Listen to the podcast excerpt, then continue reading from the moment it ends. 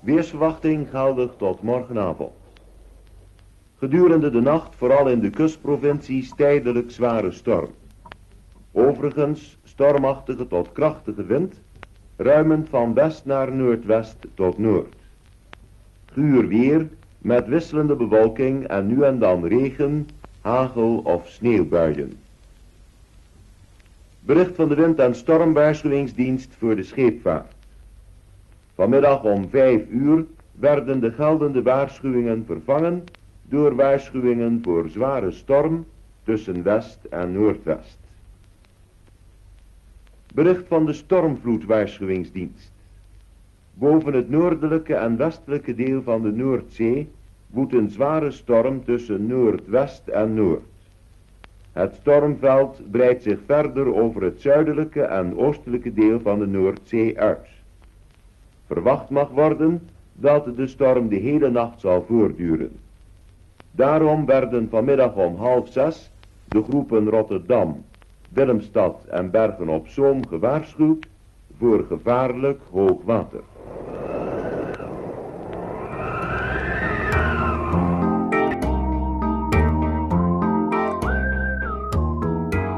Hallo allemaal, welkom bij het Raadspension, de wekelijks terugkerende geschiedenispodcast. Het is uh, 1 februari vandaag en gisteren en vannacht hebben we ons waarschijnlijk heel erg druk gemaakt om de coronacrisis. Sommige mensen meer dan anderen, sommige mensen met plannen om misschien te gaan rellen, anderen om gewoon vredig te demonstreren tegen de maatregelen. Anderen die zich gewoon druk maken om het corona en hoe het verder gaat. Maar in 1953 maakten mensen zich druk om heel iets anders. Het was namelijk de nacht van de watersnoodramp. In Zeeland braken diverse zee- en binnendijken door en het water zou helemaal tot Noord-Brabant, Zuid-Holland, zelfs in Rotterdam-Zuid waren de straten die onder water kwamen te staan. Maar hoe is het nou mogelijk? Hoe kan het nou zijn dat die dijken doorbraken? Nou, er zijn verschillende oorzaken. Een wat langdurigere oorzaak is het feit dat de dijken sowieso al te laag waren. Ze waren niet stevig genoeg. Rijkswaterstaat had al bedacht in 1920 om de dijken te verstevigen en te verhogen. Nou uiteraard door de Tweede Wereldoorlog is daar niets van gekomen. Daarnaast tijdens de Tweede Wereldoorlog zie je dat uh, verschillende dijken gebombardeerd zijn door zowel geallieerden als uh, de Duitsers. Om te proberen om de weerstand op die plekken te verbreken of uh, om in ieder geval het vijandelijke leger te laten vertragen. En al die factoren zorgen ervoor dat die dijken extreem zwak zijn en niet toegespitst zijn op de storm die plaatsvond op 31 januari. je hoort het al in het nieuwsbericht. Een zware storm was het. En die begon uh, rond Schotland. Uh, en die storm had orkaankracht. Dus dat was echt een hele heftige storm. Die hield ook heel lang aan. En eigenlijk moet je het zo zien dat al het water van de, van de, van de oceaan.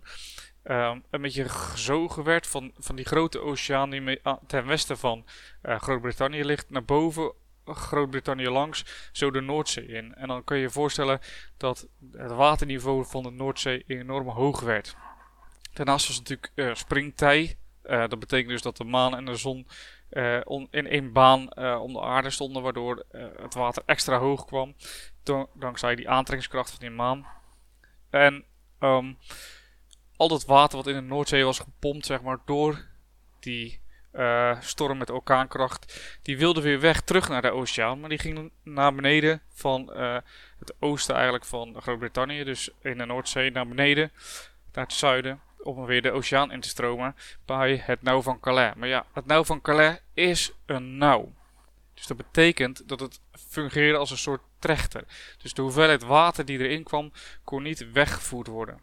Gezien de storm ook erg lang aanhield, bleef die waterstand heel hoog en bleef die waterdruk op de dijken, die dus al verzwakt waren door bombardementen, die eigenlijk al in 1920 niet sterk genoeg bevonden werden, uh, bleef die waterdruk daar opstaan. Die dijken en beuken, totdat uiteindelijk natuurlijk die, die, uh, die dijken braken. Um, wat natuurlijk ook zo is, is dat um, de Grevelingen en de Oosterschelde nog open zeearmen waren. Hè. We hadden nog geen stormvloedkering. Uiteraard niet, want die kwam pas na uh, de watersnoodramp. Uh, waardoor dus ook daar zeg maar, het water niet geregeld kon worden. En het gebied wat overstroomde ontzettend groot was.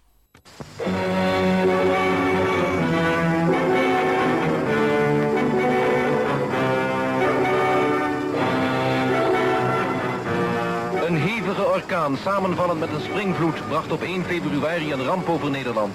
Een ramp die een nog niet vast te stellen schade veroorzaakte en helaas vele tientallen mensenlevens kostte.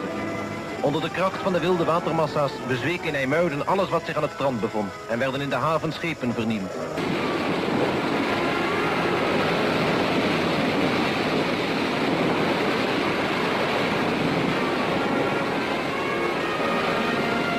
Aan de rand van de geteisterde gebieden werden op verschillende plaatsen opvangcentra voor de vluchtelingen ingericht.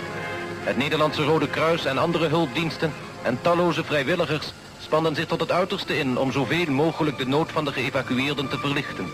Telkens kwamen nieuwe groepen mensen met de schamele resten van hun bezittingen in de evacuatiecentra binnen. Van de gezichten van het merendeel waren de schrik en de doorstane angsten en het grote verdriet duidelijk af te lezen. Velen hadden in enkele noodlottige uren schier alles verloren wat in hun leven betekenis had en ondergingen de zo spontaan van alle kanten aangeboden hulp met begrijpelijke gelatenheid. Tussen 4 en 6 uur s morgens braken er overal dijken door. Vooral aan de noord- en de oostkant van de Oosterschelde. Uh, denk daarbij aan Stavanisse, Oude Kerk, Nieuwe Kerk. En van de Grevelingen, uh, de Oude Tongen, Nieuwe Tongen. En in het Hollands Diep, Schuringen en Schravendeel werden zwaar getroffen. Ja, ook Schravendeel dus. Wat eigenlijk, ik woon in Dordrecht, dat is vlakbij. En ook in Dordrecht waren de straten uh, die onderstroomden met water. Op Goeree Overvlakke, dat is natuurlijk een van de eilanden van, uh, van Zeeland stroomde het water zo hard de polders in dat dorpen zoals Oude Tongen en Nieuwe Tongen binnen ongeveer een half uur 2 tot 3 meter onder water stonden. Kan je je voorstellen dat je daar woont en dat dan binnen, binnen echt een half uurtje, voordat je überhaupt dus door hebt dat er een dijk doorgebroken is, komt het water, staat gewoon boven je huis als je pech hebt. in ieder geval moest je schuilen, je moest naar zolder. Nou, heel veel mensen uh, verdronken natuurlijk toen. Er zijn ook veel mensen die het wel gered hebben om, uh, om het dak te bereiken of de zolder. Um, maar dat was vooral op Goeree Overflakkee. Andere stukken verliep de overstroming veel geleidelijker of het water kwam niet zo hoog. Zo bereikte het water ook Oldgensplaat. Dat is zeg maar een beetje tussen Zuid-Holland en, uh, en Goeree Overflakkee in. en het dorp ligt ook vlakbij Oude en Nieuwe Tongen. Maar daar bereikte het water pas zich rond 7 uur s morgens. Dus dat is veel later. Het steeg ook maar tot uh, eh, 2 meter. Niet dat het minder erg is, maar ja, je ziet dat er dus op verschillende plekken natuurlijk een verschillende uh, kracht achter dat water zit. Wat, uh, ja, wat ervoor zorgt dat die overstroming op, bij verschillende gebieden op een andere manier verliep. Op Duiveland, Schouwen-Duiveland, bereikte het hoogste punt van het water pas in de loop van zondagmiddag. Het gebeurt s'nachts, we hebben het over 4 tussen 4 en 6 uur s morgens op uh, zaterdag, in zaterdagnacht, hè, zondagochtend. En zondagmiddag bereikte daar pas het hoogtepunt. Terwijl op andere plekken het dus veel sneller ging en het mensen overviel. Natuurlijk kun je je voorstellen dat als er zoveel water uh, die polders instroomt, en dat is natuurlijk ook uh, wat er eigenlijk gebeurde. Je hebt de zeedijken aan de buitenkant liggen. Op een gegeven moment begeven die het, die breken door. En dat water stroomt met enorme kracht naar binnen. En die beuken tegen de binnendijken aan. Hè. Je hebt natuurlijk de zeedijken en de binnendijken. Als je goed hebt opgeleid met aardrijkskunde weet je dat tenminste. En die binnendijken die breken ook gewoon puur door de kracht van het water. En ze zijn natuurlijk ook, hebben ook dat achterstallige onderhoud. Uh, en uh, waren natuurlijk ook al te zwak bevonden. Maar die breken dus ook door. Nou, op sommige plekken houden ze misschien net iets langer stand, waardoor dus dat, water op verschillende tempo's op verschillende plekken naar binnen kwam.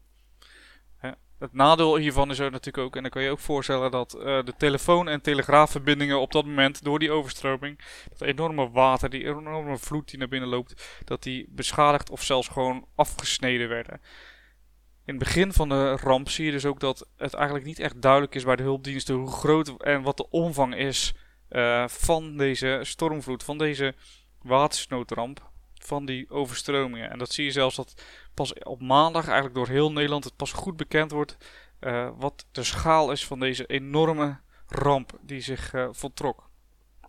Wat interessant is om te zien is dat binnen enkele uren een heleboel zendamateurs een soort noodnetwerk opbouwden. En zo ken je het verhaal van één man in Zierikzee die met allerlei onderdeeltjes die hij nog heeft gevonden in de, in de winkel van zijn baas heeft hij in elkaar gezet. En kon hij een soort noodradiootje meebouwen. En hij kon daardoor eigenlijk communiceren met de buitenwereld. En hij was een van de eerste die ook echt vanuit Zierikzee, hij had een zwaar, ja, zwaar getroffen gebied was, kon hij communiceren met de buitenwereld, waardoor er pas voor de buitenwereld bekend werd wat de omvang was van, van vreselijke overstroming. Die zendamateurs overigens waren ook de enige die ja, ervoor zorgde dat er contactmogelijkheden werden, of waren tussen de overstroomde gebieden en de buitenwereld. Zij kregen ook allerlei, uh, allerlei codes uh, toegewezen, waardoor, ze dus, ja, waardoor je dus wist wie waar zat en die konden dan allerlei dingen doorspelen. Dat was een soort noodnetwerk door die uh, zendamateurs. Dat is best wel interessant om te zien dat het dus door burgers eigenlijk een, een noodnetwerk werd opgebouwd van communicatie. Ook de regering was niet goed op de hoogte van de ernst van de situatie. En we zien dat Karel Enkelaar, uh, een verslaggever van de Volkskrant, op 1 februari een Dakota had gehuurd. Dat is een twee-propellerig uh, toestel. Um, en hij maakt samen met fotograaf Jan Stevens en piloot Willem van Veenendaal uh, een vlucht boven het rampgebied. En na die vlucht belde, of hij, nou ja, hij, hij appte natuurlijk niet, maar hij belde of kwam langs bij de president-directeur van de KLM. Uh, en stelde hem op de hoogte van hun bevindingen. En die KLM-directeur heeft vervolgens de regering weer gebeld om echt die ernst van uh, de situatie onder ogen te brengen. Um, en mede dankzij die inlichtingen en vooral de gemaakte pers- en fotorapportages um, zorgde ervoor dat de, de binnenlandse en de buitenlandse hulpverlening op gang kwam. We zien dat heel de dag door mensen natuurlijk aan de radio gekluisterd zitten. Of de mensen die een zwart-wit televisie hebben die, um, die kijken natuurlijk naar het nieuws en heel de dag stromen de rapportages binnen. En op dat moment was Willem Drees van de PvdA minister-president en de anti-revolutionaire minister Jacob Algera bezochten allebei Dordrecht. En zoals ik al eerder zei, ook in Dordrecht kwam dat water naar voren. Koningin Juliana liet zich uh, met prinses Beatrix op dat moment 15 jaar uh, zien in Lekkerkerk, Stolwijk en Krimpen aan de IJssel. Verder kwam ze niet. Uh, door dat water. En de volgende dag, dus 2 februari, ging ze naar Dordrecht uh, aan boord van een vaartuig van Rijkswaterstaat. En kon ze de situatie onder andere in Numansdorp, Stellendam en Mildelharnis bekijken. Nou, dat is natuurlijk heftig, maar wel mooi dat zij zo snel daarheen ging om ook haar medeleven te tonen aan de mensen die daar woonden. Met een helikopter, het vervoermiddel bij uitstek in dit gebied, landde deze dagen op de Rampaardse dijk midden op Duiveland, Hare Majesteit de Koningin, die hiermee haar niet-officiële bezoek begon aan dit deel van Zeeland, dat acht maanden na de ramp nog grotendeels onder water staat. De koningin begaf zich per motorsloep over de verdronken polder Vier Bannen naar het dorp Nieuwerkerk, dat op één straat na elke dag weer bij vloed onderloopt. De burgemeester en zijn echtgenote leiden de koningin rond door hun zwaar getroffen gemeente. Waar langs de route ook maar een droog plekje was, toonden de duivelanders hun dankbaarheid voor de belangstelling van de vorstin. Na een kort verblijf in Nieuwekerk ging Hare Majesteit weer terug naar de Rampaardse dijk. Per jeep bezocht zij een paar andere plaatsen, waaronder het pas drooggevallen Syriansland, dat nu weer bewoonbaar gemaakt wordt. De koningin onderhield zich hier met de buiten- en binnenlandse vrijwilligers die meehelpen aan de grote schoonmaak. Enige meisjes en jongens van dit dorp werden verrast met een langoor die koningin Juliana voor hen van Paleis Soesdijk had meegebracht.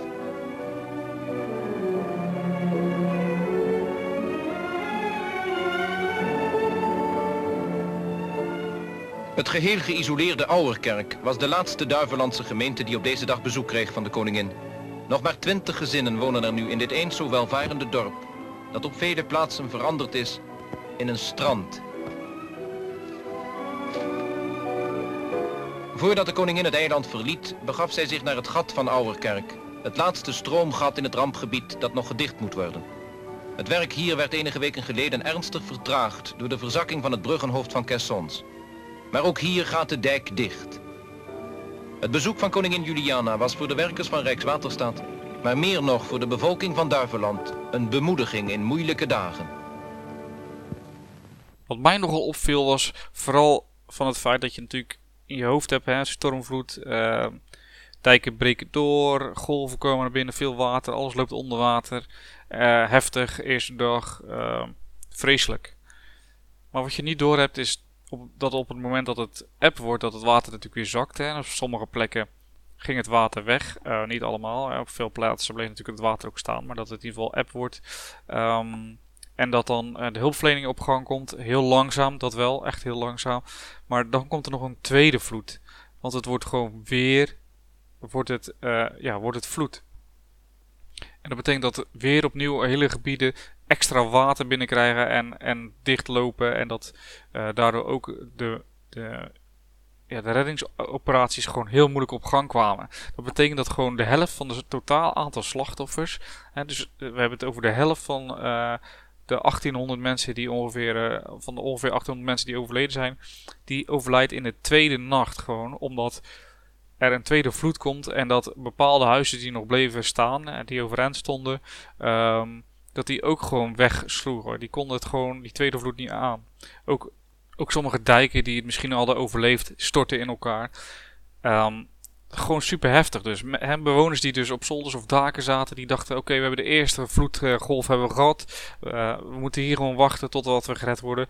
Bam, komt de tweede vloed, veegt gewoon je huis van de kaart. En je gaat alsnog dood. Zeker door de sterke stroming die dan ook uh, geldt. Um, ja, de hulpverlening van buiten, de door het water aangetaste gebieden komen, zoals ik al zei, heel traag op gang, kon ook bijna niet. En de, de totale catastrofe werd dus maandag pas echt goed, goed zichtbaar. Het was ook heel moeilijk om de dijken te dichten op veel plekken, uh, als het gat, je kan het natuurlijk voorstellen als je een dijk hebt en er zit een klein gat in, waardoor het water naar binnen stroomt. Dat water slijt gewoon die zijkanten van dat gat open, steeds verder open tot er steeds grotere gaten in die dijken zitten. Dus het is ook heel moeilijk om uh, die gaten te dichten. En zo zie je dus, want pas een half jaar later, in november 1953, werd het allerlaatste gat gedicht. Zo zie je dus dat er sommige gebieden op het moment dat die springtij voorbij is en die storm, al het water is weer terug naar de Atlantische Oceaan. Het wordt weer eb, dat al die gebieden leeglopen, het water loopt weg. Maar op het moment dat het dan vloed wordt en dan niet eens springtij of springvloed of superhoog, maar gewoon normaal vloed. En dat dat water omhoog komt en gewoon weer het land binnenloopt. En dat gewoon je, je huis gewoon uh, weer onderstroomt. Hè? Dat je, je woonkamer gewoon weer onder water komt te staan. En dat duurde gewoon tot november 1953. Dat is bijna een half jaar later. En in november 1953 werd dus het laatste gat in Oude Kerk pas gedicht. Met behulp van speciale pontons, uh, caissons. Uh, en sommige van die caissons liggen daar nog steeds. En vormen nu het Watersnoodmuseum. Is ook echt een tip van mij om daar eens een keer uh, op bezoek te gaan. Dat is echt super heftig.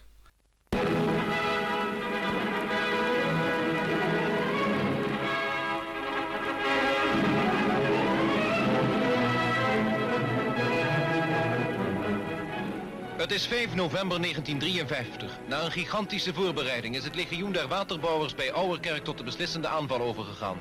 De tweede caisson die op deze dag gezonken wordt, is voorzien van een zogenaamde guillotine. Een rij buizen waarmee een stalen dam zal worden gevormd die de stroom tussen dijk en caisson moet afsluiten. Als alle buizen gezakt zijn en het getij gunstig is, wordt de caisson tot zinken gebracht. De sterke slepers zorgen ervoor dat deze tweede phoenix precies zinkt op de plaats die de waterbouwkundigen hebben vastgesteld. Dicht erbij worden grote hoeveelheden stortsteen klaargehouden. De onderlossers laten in een paar seconden tonnen en tonnen van deze steen vallen om de voet van de caisson te versterken.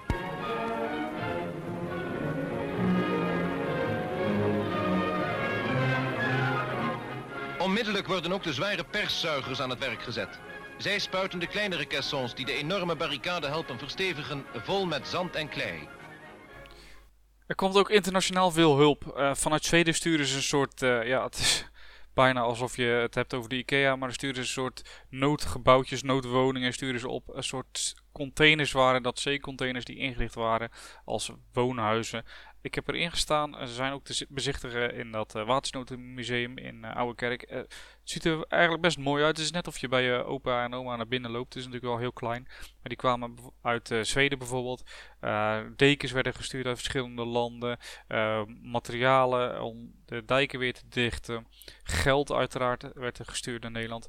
Super om te zien dus dat ook veel internationale hulp kwam van, vanuit uh, de wereld eigenlijk om natuurlijk, dat is logisch, internationale hulp is altijd uit de wereld, maar dat er heel veel hulp kwam om uh, Nederland te helpen.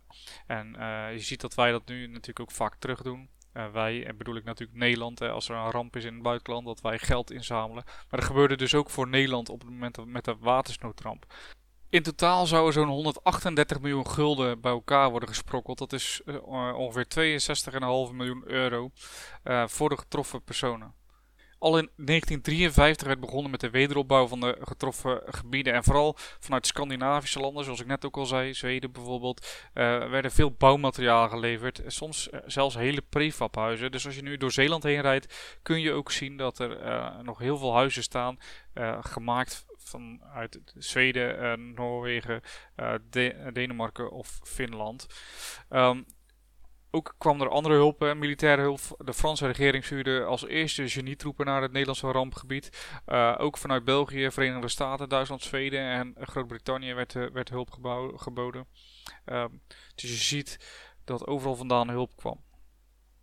Nederland is niet het enige land werd dat geraakt werd door deze watersnoodramp. Hè? Want het water stond natuurlijk op meerdere plekken hoog. Ook in Noord-Duitsland, uh, of Noordwest-Duitsland moet ik zeggen, uh, vonden er overstromingen plaats. In België braken er zelfs uh, op 37 plaatsen dijken door. En diverse kleine en grote steden aan de kust van, van de Schelde liepen deels onder water. Niet zo heftig natuurlijk als in, als in Nederland. ook de de binnenstand van Oostende stond geheel onder water. En um, Antwerpen werd ook nog getroffen. In Engeland kwam ook de ramp als een, uh, als een grote verrassing. Hè, de, de, de storm moet ik zeggen. En uh, daarop volgende overstromingen. Daar werd 1600 kilometer kust verwoest en uh, kilometers aan dijken beschadigd, waaronder 1000 vierkante kilometer aan land uh, wat overstroomde. 30.000 mensen moesten in Engeland ook geëvacueerd worden. En uh, na deze watersnood werden in Engeland plannen gemaakt die onder andere resulteerden in, in de Thames Barrier. In Breda zijn een paar veewagens uit Drenthe komen binnenrijden die een groot aantal varkens en biggen vervoerden. Een geschenk van de Drentse boeren aan de landarbeiders in de getroffen streken van West-Brabant die hun vee tijdens de ramp hadden verloren. Nadat er bijna 300 dieren in de baroniestad overnacht hadden, werden ze de volgende dag met personenauto's naar hun nieuwe bazen gebracht. West-Brabant is alweer geheel drooggevallen. En voor zover de toestand van hun huizen dat toeliet, is de bevolking er weer teruggekeerd. Voor de landarbeiders betekent de geschenkszending uit Drenthe een eerste stap op de weg naar het herstel van de doorgaans kleine veestapel die zij bezaten. De Drentse boeren hebben hiermee blijk gegeven van hun solidariteit met de getroffenen. Zij zullen overigens nog voor meer transporten zorgen.